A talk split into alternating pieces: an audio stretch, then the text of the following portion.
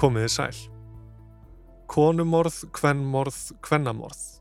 Þjóðfélagið hefur ekki enn komið sér saman um hvað skuli kalla heið óhugnanlega fyrirbæri femicide eða kynbundin morða á konum. Staðrindin er svo að flest morða á konum og stúlkum eru vegna kynstæra. Aðeins í fyrra voru 45.000 konur myrtar af mögum sínum eða öðrum nánum fjölskyldumæðlumum.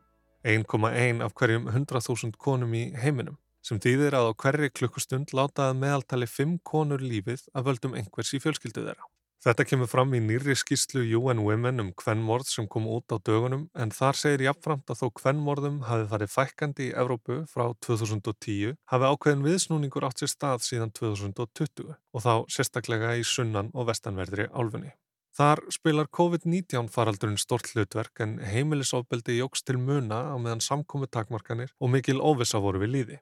Í því samhengi hefur verið talað um skuggafaraldurinn en hann var viðfangsefni annarar skýrslu UN Women frá því fyrra. Ég heiti Snorri Rafn Hallsson og þú ert að hlusta á þetta helst. Í þættinum í dag skoðum við kvennmord og skuggafaraldurinn, veltum upp tölum og ástæðum og rínum í skýrslunar tvær. Skýrslanum kvennmord ber titil eins og skýrslum einum sæmir. Kynbundin morð á konum og stúlkum, kvennmorð, kvennamorð nattrænt mat á kynbundnum morðum á konum og stúlkum á enga vettvangi árið 2021 að bæta gögn til að bæta viðbröð. Í skýslinu kemur fram að á heimsvísum megi ætla að 81.100 konur og stúlkur hafi verið myrtar árið 2021. Þetta er sláandi tala, tölfræðin öll er raunar sláandi. Þessi fjöldi hefur meira og minna staði í stað undan farin áratug, en af þessum 81.100 morðum má með mikilli vissu ætla að 45.000 þeirra hafi verið framir af einstaklingum sem stóðu konunum og stúlkunum nærri. Það gera 56% tilfella. Karlmenn og drengir eru þó enn sem áður mikill meiri hluti fornalamba morða, um 81% af heldinni eða fjórfalt fleiri en konur. Í þeirra tilfelli er þó einungis um það byrj eitt af hverjum tíu morðum framið af nákomnum fjölskyldumæðlemi. Vandamálið sem umræðir, morðið af hendi maka eða náins fjölskyldumæðlems, snertir því konur og stúlkur í mun meiri mæli. Ekki bara hlutfalslega heldur í hreinum tölum. Og eins og tölunar benda til eru ekki öll morð á konum og stúlkum skilgreint sem kvennmorð. Grípum niður í skísluna. Kvennmorð eru endapunktur á samfellu sem næri yfir ólíkar gerðir af kynbundnu ofbeldi, ólíkar gerðir sem skarast og tengjast hvor annari. Undanfarist líkra morða er oftar en ekki líkamlegt, kynferðislegt eða andlegt ofbeldi. Kvennmorð má því skilgreina sem morð af ásættu ráði þar sem ástæðunar eru í grunninn kynbundnar og geta verið allt frá stereotypiskum kynhlutverkum og mismunun gegn konum og stúlkum til ójabrar valdastöðu kynjana í samfélaginu. Kinnbundin morð eiga sér stað í ólíkum aðstæðum á almanna sem og engavettvangi og í ólíkum samböndum geranda og fórnarlampa. Sem dæmi má nefna morð af völdum heimilisofbeldis, nauðgunarmorð, svo kalluð heiðursmorð, morð tengt heimannmundi, morð á konum, ásakaður um galdra og fjölkingi, ásam kinnbundnum morðum í tengslum við vopnuð átökaða gengjastarfsemi, mansal og aðra skipulaða glæpastarfsemi.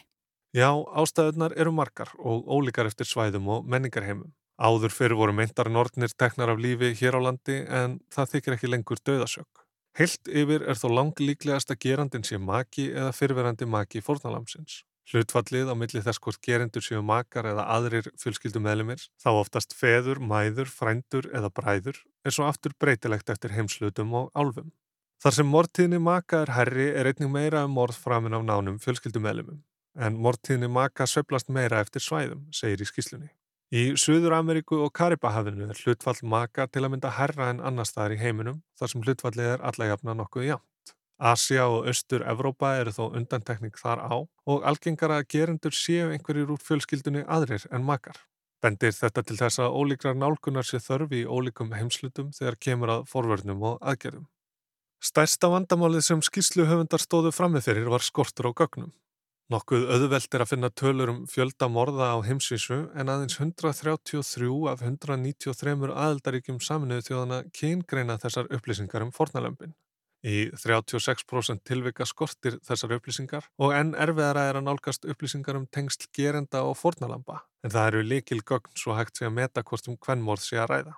Þetta þýðir að 40% af þeim morðum sem framinn voru á konum árið 2021 eru ekki nægilega skilgreint svo að hægt sé að flokka þau sem kvennmorð. Talan sem ég nefndi hér í upphafi, 45.000 kvennmorð árið 2021, 5 á hverri klukkustund, er þó einingis gróft mat og gæti verið talsvert herri í raun.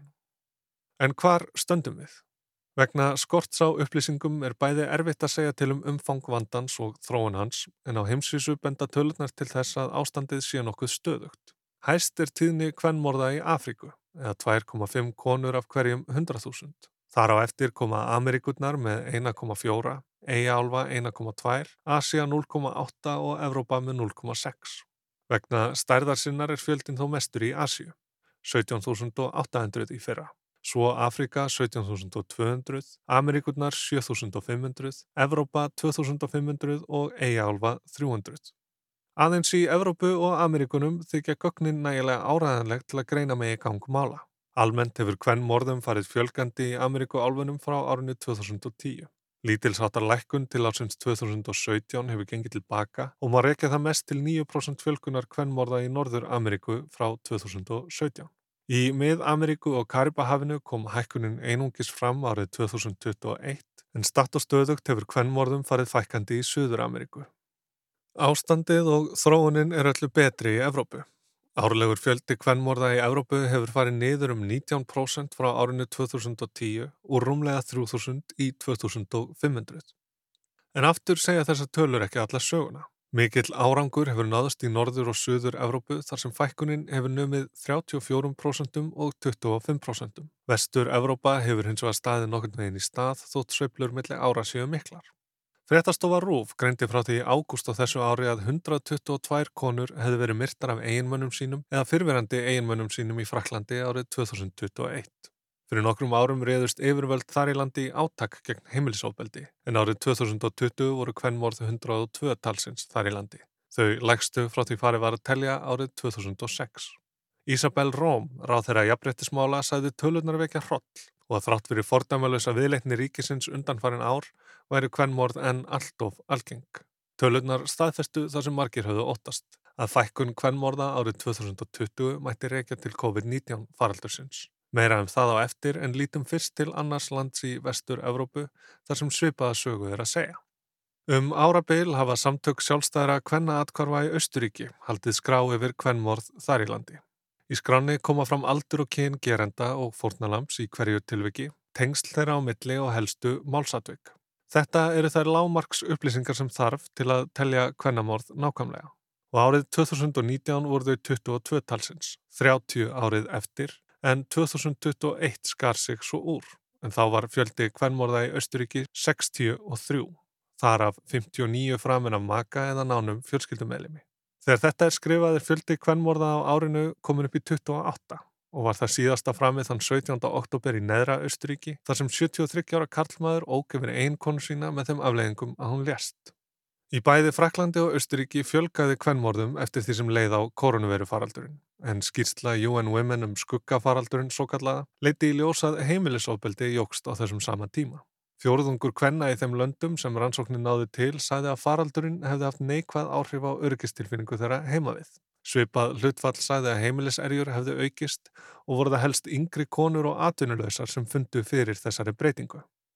Þessar tvær skýslur UN Women eru nokkuð tölfræði meðar og gefa lítið upp um mögulegar skýringar.